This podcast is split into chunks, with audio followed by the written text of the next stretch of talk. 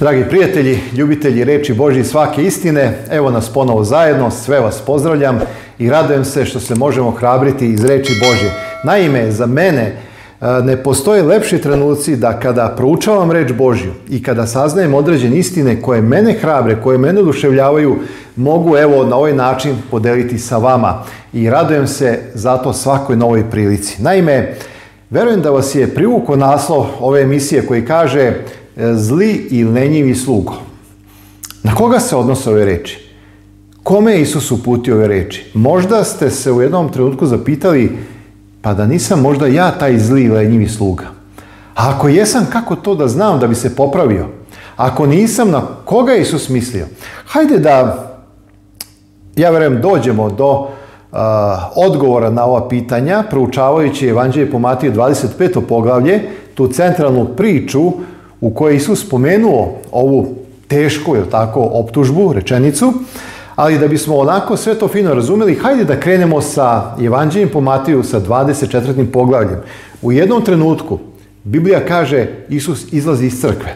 Okreće se, usmerava svoj pogled prema hramu i kaže učenicima neće ovdje ostati ni kamen na kamenu koji će se održati.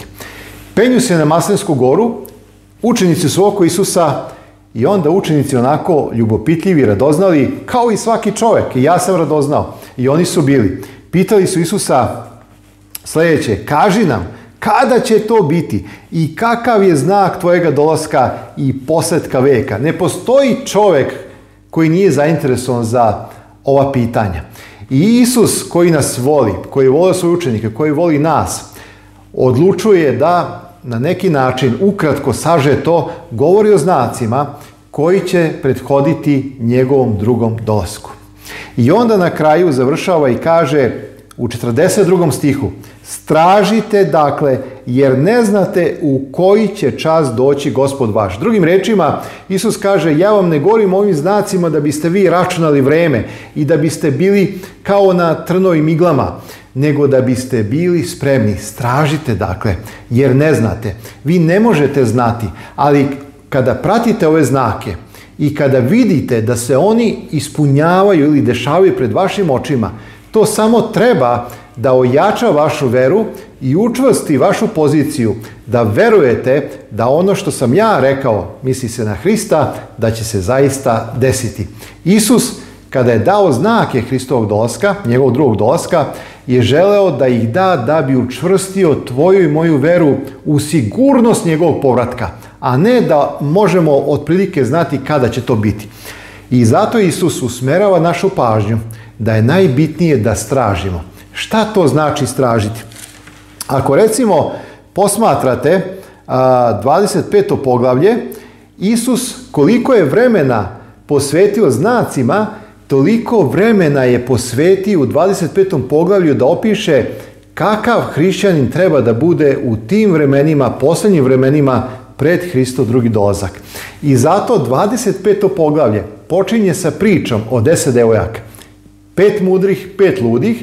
Mudre su one koje su spremne, koje straže, koje imaju duha svetoga i na kraju one ulaze u carstvo Božje, a onih pet ludih koje nisu stražile, koje nisu bile spremne, ostaju na polju. Vidite kako se sada ova priča, koja je prva u 25. poglavlju, nadovezuje na Hristove reči u 24. poglavlju kada završava priču o znacima, to jest kada završava svoj govor o znacima gdje kaže stražite. I onda Isus u 25. poglavlju, kroz tri priče, objašnjava na šta je mislio. Šta to znači stražiti? Počinje sa deset devojaka, a onda dolazimo do priče gdje bi želeo da obratimo posebnu pažnju, jer se tu nalaze ovi teški, teška rečenica koju sam napisao kao naslov, a koja kaže zli i lenjivi slugo. A on odgovarajući reče im, zaista vam kažem, ne poznajem vas. Stražite dakle, jer ne znate dana ni časa u koji će sin čovečiji doći. Ovo je na kraju priče o deset devojaka. Ponovo, vidite, ponovo Isus naglašava, stražite, stražite. Drugim rečima, budite spremni, imajte duha svetoga. A imati duha svetoga i delovanje duha svetoga je jako bitno za naše živote, a upravo sada idemo ka tome da razumemo šta to znači. I evo, čitamo od 14. stiha pa nadalje. Evanđelji po Mateju, 25. poglavlje. Ja vas molim, nisam ja džabe vama slao Biblije, hoću da ih imate u rukama. Kada ja čitam reč Božju, želim i vi da otvorite Evanđelje po Mateju i da čitate. Otvarajte reč Božju, držite u svojim rukama. To je jedan poseban osjećaj da imate dnevnik našeg gospode Isusa Hrista u kojem nam je objavio svu svoju slavu, sav svoj prednji karakter, svu svoju volju i sve ono što je potrebno. I zato kažem, Biblija neće nestati. To je Božje obećanje kroz onaj san koji mi je dao. I Biblija će uvijek biti. Zato naručite ako je nemate, da imate u vašem domu, da je čitaju vaši sinovi i kćeri, vaše bake i deke. Jer ovo je najveće blago koje jedan smrtni čovjek može imati u svojim rukama. Najlepši dar kojeg nam je poklonio naš tvorac i Bog i Spasite, naš gospod Isus Hristos. Molim vas, ako nemate, a želite imati opipljivu, kao što ja držim u svojoj ruci, naručite. Imate gore iznad moje glave u ovom trenutku mail na koje možete da date vaš kontakt adresu i telefon i Biblija koja je besplatna doći će ubrzo u vaše ruke, u vaše domove, a nema lepše radosti od te. Evo, dragi moji, morao sam da vas još jednom podsjetim da Biblija ima, ja duboko verujem, nikad ih neće prestati biti zahvaljujući vašoj pomoći, vašim donacijama, zato što vas Duh Sveti pokreće da pomažete i hvala gospodu i hvala vama za to. Kaže tekst ovako, jer kao što čovjek izlazeći dozva sluge svoje i predade im blago svoje. Koje je to blago? Šta je to ovaj gospodar predao? A jednom je dakle dade pet talenata a drugome dva, a trećemu jedan, svakome prema njegove moći i otide odmah. A onaj što primi pet talenata, otide te radi s njima i dobije još pet talenata. Zapazite, u pitanju je umnožavanje. Tako i onaj što primi dva, dobije još dva. I koji primi jedan, otide te ga zakopa u zemlju i sakri srebro gospodara svojega. A po drugom vremenu a po dugom vremenu dođe gospodar ti sluga. Šta to znači? Pa ja ću samo napraviti pomalo digresiju, ovdje je reč o Hristovom drugom dolasku. Znači, ovo je priča preko koje je Isus upućuje jednu snažnu poruku svima nama. I kaže, i pristupivši onaj što primi pet talenata, donese još pet talenata, govoreći gospodaru, predao si mi pet talenata, evo još pet talenata, ja sam dobio s njima. I sada zapazite kako gospodar reaguje. Svakako, to je reč o našem gospodu Isusu Hristu, a gospodar njegov reče mu dobro slugo, dobri i verni. Sjetite se naslova. Naslov kaže zli slugo, je tako? I lenji. A ovdje, sada sada pohvaljuje, kaže, a gospodar njegov reče, dobro slugo, dobri i verni, u malom si mi bio veran, na mnogima ću te postaviti, uđi u radost gospodara svojega. Setite se pet mudrih devojaka koje su imale žiške, a žišci su u stvari prisutnost duha svetog u njihovim životima. I pristupivši onaj što je primio dva talenta, reče gospodaru, predao si mi dva talenta, evo još dva talenta, ja sam dobio s njima. A gospodar njegov reče mu, dobro, slugo dobri i verni, u malom si mi bio veran, nad mnogima ću te postaviti, uđi u radost gospodara svojega. A pristupivši i onaj što je primio jedan talenat, reče, gospodaru, znao sam da si ti tvrd čovek, žniješ gdje nisi sijao i kupiš gdje nisi vijao. Pa se pobojah i otide te sakrih talenat svoju zemlju i evo ti tvoje. A gospodar njegov odgovarajući reče mu, zli i lenjivi slugo. Znači, nema više dobri i vredni, nego zli i lenjivi. Znao si da ja žnijem gdje nisam sijao i kupim gdje nisam vijao. Trebalo je dakle moje srebro da daš trgovcima, a ja došavši uzeo bih svoje sa dobitkom. Uzmite dakle od njega talenat i podajte onome što ima deset talenata. Jer svakome koji ima daće se i preteći će mu, a od onoga koji nema i što ima uzet će se od njega. A ga slugu bacite u tamu najkranju, onda će biti plač i škrgut zuba. I kad dođe sin čoveči u slavi svojoj sa svetim anđelima, onda će sesti na prestolu slave svoje. I onda kreće treća priča o onima koji su činili dobra dela, ne zato da bi se spasili, ponavljam, nije u pitanju legalizam, nego zato što su volili Isusa i onda je ljubav njih nagonila da čine dela Carstva Božjega, da pomažu, da daju hleb, da odevaju, da hrane, da daju čašu vode. A Isus kaže, kada ste to učinili drugima, meni ste učinili. To je praktično evanđelje. Drugim rečima, 25. poglavlje govori o jednom jednostavnom, praktičnom hrišćanskom životu. O ljudima u kojima će biti duh sveti, koji će umnožavati darove koje je dao gospodar i kada se Isus vrati, Isus će pokupiti sa dobitkom. O čemu se radi? Radi se da kada mi dozimo Hristu i kada mi učinimo zavet sa Bogom, Duh Sveti nas daruje određen darovima. Neko ima pet darova, neko ima deset, neko ima tri, neko dva, nije bitno. Čak i onaj koji ima jedan, mogo je da ga umnoši. I onda Bog, zato što smo mi koristili naše darove, a kroz tu našu službu koju činimo, drugi su se spasavali. Isus dolazi i ubira žetvu. Onaj koji nije koristio svoje darove, koji ih je zakopao, se naziva zli i lenjivi sluga. Znači, još jednom, u Mateju 24. poglavlju Isus govori o znacima. I ti znaci imaju zadatak ne da bi mi računali određivali vremensku neku okosnicu, nego da bi gledajući da se to ispunjava danas pred našim očima, bili sigurni da će se Isus vratiti. Oni treba da u nas sigurnost. I onda Isus kaže, nije tu poenta, ne treba tu da se zadržavate, nego je suština da stražite. A stražiti objašnjava šta znači u 25. poglavlju. Da imamo duha svetoga, jer oni koji imaju duha svetoga su mudri, to su onih pet mudri, mudri devojaka. A oni koji imaju duha svetoga koristit će darove koje im je dao duh sveti. Jer u mnogim mestima na Bibliji, da sada načitam, to će možda u jednoj drugoj emisiji, se kaže da nam je Duh Sveti dao mnoge darove. Nekome je dao dar prošto, nekome je dao dar pomaganje, nekome je dao dar da propoveda, nekome je dao dar da peva, Nekome je dao dar pomaganja, a putem ovog kanala ja sam osjetio neki od vas koji imate dar pomaganja. Nekome je dao dar molitve, nekome je dao dar da teši, nekome je dao više tih darova, li tako, u tom paketu.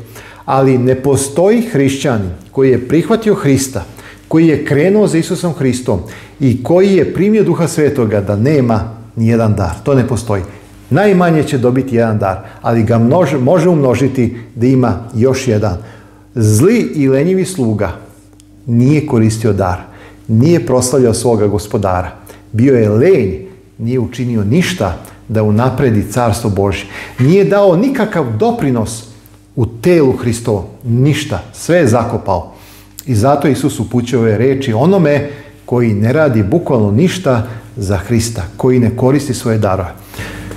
Evo, dragi moji, dozvolite da iznesem pred vas nekih šest kratkih smjernica kako možete otkriti vaše duhovne darove i kako ih koristiti. Pod jedan, posveti Bogu svoj život i zatraži od njega mudrost, verujući da će ti on to otkriti. I zaista, ako čitate Jakolju poslanicu prvu glavu, peti stih, tekst kaže, ako li kome od vas nedostaje premudrosti, neka, neka ište u Boga, koji daje svakome bez razlike i ne kori nikoga i daće mu se. Naš Bog je blagodatni Bog i on jedva čeka da čuje da njegovo dete traži, a Bog je tako brz. Bog je tako milostin, Bog je toliko velika ljubav da jedva čeka da nas daruje i to često mnogo više nego što mi znamo tražiti. Po dva, veruj da ti je kao što je obećao Bog darovao najmanje jedan duhovni dar s kojim treba da obavljaš određeni rad dok iščekuješ Hristov dolazak. Služi mu radosno. Koristi to primustvo darova koje ti je dao. Da bi tvoj život bio ispunjen blagodaću i da bi bio na blagodat drugim ljudima. Pod tri, pažljivo prouči tekst u Rimljanima. E sada, hajde da zapišete ove tekstove i da ih kasnije čitate iz vaših Biblija. Tu su opisani duhovni darovi. Hajde ovako. Prvi tekst je u Rimljanima 12. poglavlju od 6 do 8 stiha. Pa onda prva Korinčanima 12. glava. Čitajte je celu. I onda Efesima četvrto poglavlje. Znači još jednom Rimljanima 12. poglavlje od 6 do 8 stiha. Prva Korinčanima 12. glava i Efesima posljednica četvrta glava. Tu imate spisak duhovnih darova mnogo toga što je Bog dao svojoj crkvi, dao nama pojedincima i na osnovu kojih ga možemo proslaviti. Vidite šta je to što je deo vašeg života od cele ove priče. Vidite, prepoznajte, pitajte možda druge koji vas bolje poznaju, šta oni misle, koji ti imaš dar. Kada sam ja pitao neke ljude, neki su mi rekli recimo da imam dar pomaganja, dar propovedanja, dar tešenja i tako dalje. Imate neku skalu koju imate onako, koji su se istakli, a onda drugi, treći po redu i tako, neki možda koji su pozadini, koji bi mogli da se razvijaju. Ali to je dobro da nekada pitate druge šta misle oni, kako bi oni okarakterisali vaš život i koji bi oni da rekli da vi imate. Zatim, analiziraj svoje sposobnosti, ispitaj svoje osjećanja. Sveti duh će ti pokazati u čemu možeš biti srećan i produktivan u službi. Ako si produktivan u nekom području službe i uživaš u takvom radu, vrlo je verovatno da imaš taj dar. Jer kada čovjek čini nešto što voli, to je definitivno znak da ima taj dar. Pazite, meni je jako teško možda da radim neke druge stvari vezano za crku, za proslavljanje gospoda. Ali ovo što radim, zaista se radim i zato sam rekao na početku emisije, kada nešto proučavam u reči Bože i kada me nešto svedoči i kada me nešto oduševi, ja se radojem kada to mogu da prenesem vama. Ja u tome, ja u tome uživam. I radujem se Bogu za priliku, za opšte što me je pokrenuo da na neki način evo, sa vama proučavam reč Božju. Zatim, očekuj da ih Bog potvrdi.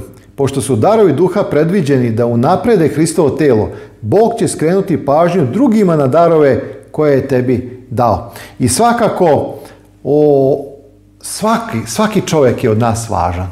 Zato kada ti imaš nekoliko darova, neko drugi ima nekoliko darova i kada se to ujedini u propovedanju evanđelja, onda delo Božje zaista brzo napreduje i mi možemo svojim delovanjem kao hrišćani učiniti da se naš gospod Isus Hristos brže vrati, da se završi delo propovedanja evanđelja. Jer jedan od najvećih znakova da je Hristov dolazak blizu jeste i propovedaće se ovo evanđelje po celome svetu, svim narodima i tada će doći posadak. Pa dobro, kažite mi onda da li Isus zna kada će doći posadak. Pa zna, ali on je u svemu pokojom svome ocu i pošto očeva volja nije da se objavi vreme i čas, kao što je rekao, da ni sin čovječi ne zna, ne zato što je on neznalica u smislu pa on je bogo čovek, nego zato što nije Božja volja da se to objavi meni i tebi. Hvala Bogu što nam nije objavio dan i čas, jer zbog naše grešne prirode mi bi i to zloupotrebili. Mi sve zloupotrebimo. Mi zloupotrebimo i nauku. Napravi se tamo u nauci, ne znam, cepanja toma, evo ljudi odmah naprave atomsku bombu da uništavaju. Šta god da se u nauci napravi, ljudi gledaju da zloupotrebe. A zamislite šta bi se desilo tek kada bi Isus dao u Bibliji vreme njegovog dolaska. Koliko bi to tek ljudi zloupotrebili. Znate u onom smislu, e ja ću da uživam, uživam, aha, koliko je ostalo, aha, aha, e sad ću ja da budem pobožan, sad ću ja da budem vera Ne, ne, ne, ne, zato Isus, pošto zna da smo mi ograničeni, slabi, jadni i grešni, kaže stražite. Ne znate vi u koji će čas doći gospod Bog vaš. A onda u 25. poglavlju kaže šta to znači. To znači da živimo jedan praktični život – koji će biti ispunjen duhom svetim. A kada je ispunjen duhom svetim, mi ćemo onda koristiti darove i bit ćemo dobri i verni služitelji Hristovi. I tada se neće ovaj naslov, to jest ove reči u naslovu odnositi na tebi i na mene, koje su zaista teške, a koje glase zli i lenjivi slugo. Zato, dragi moji, evo jedan poziv da nastavimo sa proučavanjem reči Božije, da nastavimo sa molitvom, da nastavimo sa jednim zaista iskrenim, pobožnim, praktičnim životom koji će u svakom trenutku biti spreman da uzdigne i da proslavi Hrista. Ti i ja ne moramo biti ni zli, ni lenjivi sluga, mi možemo biti dobri i zaista ta reč dobri e, i pohvalni je nešto što svaki čovjek, svaki hrišćanin želi da čuje da dolazi od naše gospoda Isusa Hrista. Svakom dobro želim Vidimo se uskoro u novoj emisiji, a ja bih sada samo da se kratko pomolim. Oče sveti pravedni, hvala ti za reč tvoj koja nas hrabri, ali i koja nas opominje. Hvala ti što ti želiš da iznad svega budemo spremni svakoga dana, da stražimo. Mi ne znamo kada ćeš ti doći, mi pratimo znake koje si ostavio i kada vidimo da se to dešava pred našim očima, mi kažemo da gospode, Istina je ono što si rekao, ti ćeš zaista i sigurno doći. Dođi, Gospodi Isuse Hriste, dođi nam što pre. To je naša želja i molitva. A učini da se mnogi ljudi, što više ljudi spasu, a da ne bude mnogo onih koji će zaista biti u onoj kategoriji kada ćeš uperiti prst u njih i reći zli i lenjivi slugo i poslati ga u večnu propast. Gospode dragi, predajemo ti se ruke, a hvala ti na svemu u ime Isusa Hrista. Amin. Vidimo se uskoro, braći i sestre, prijatelji reči Bože.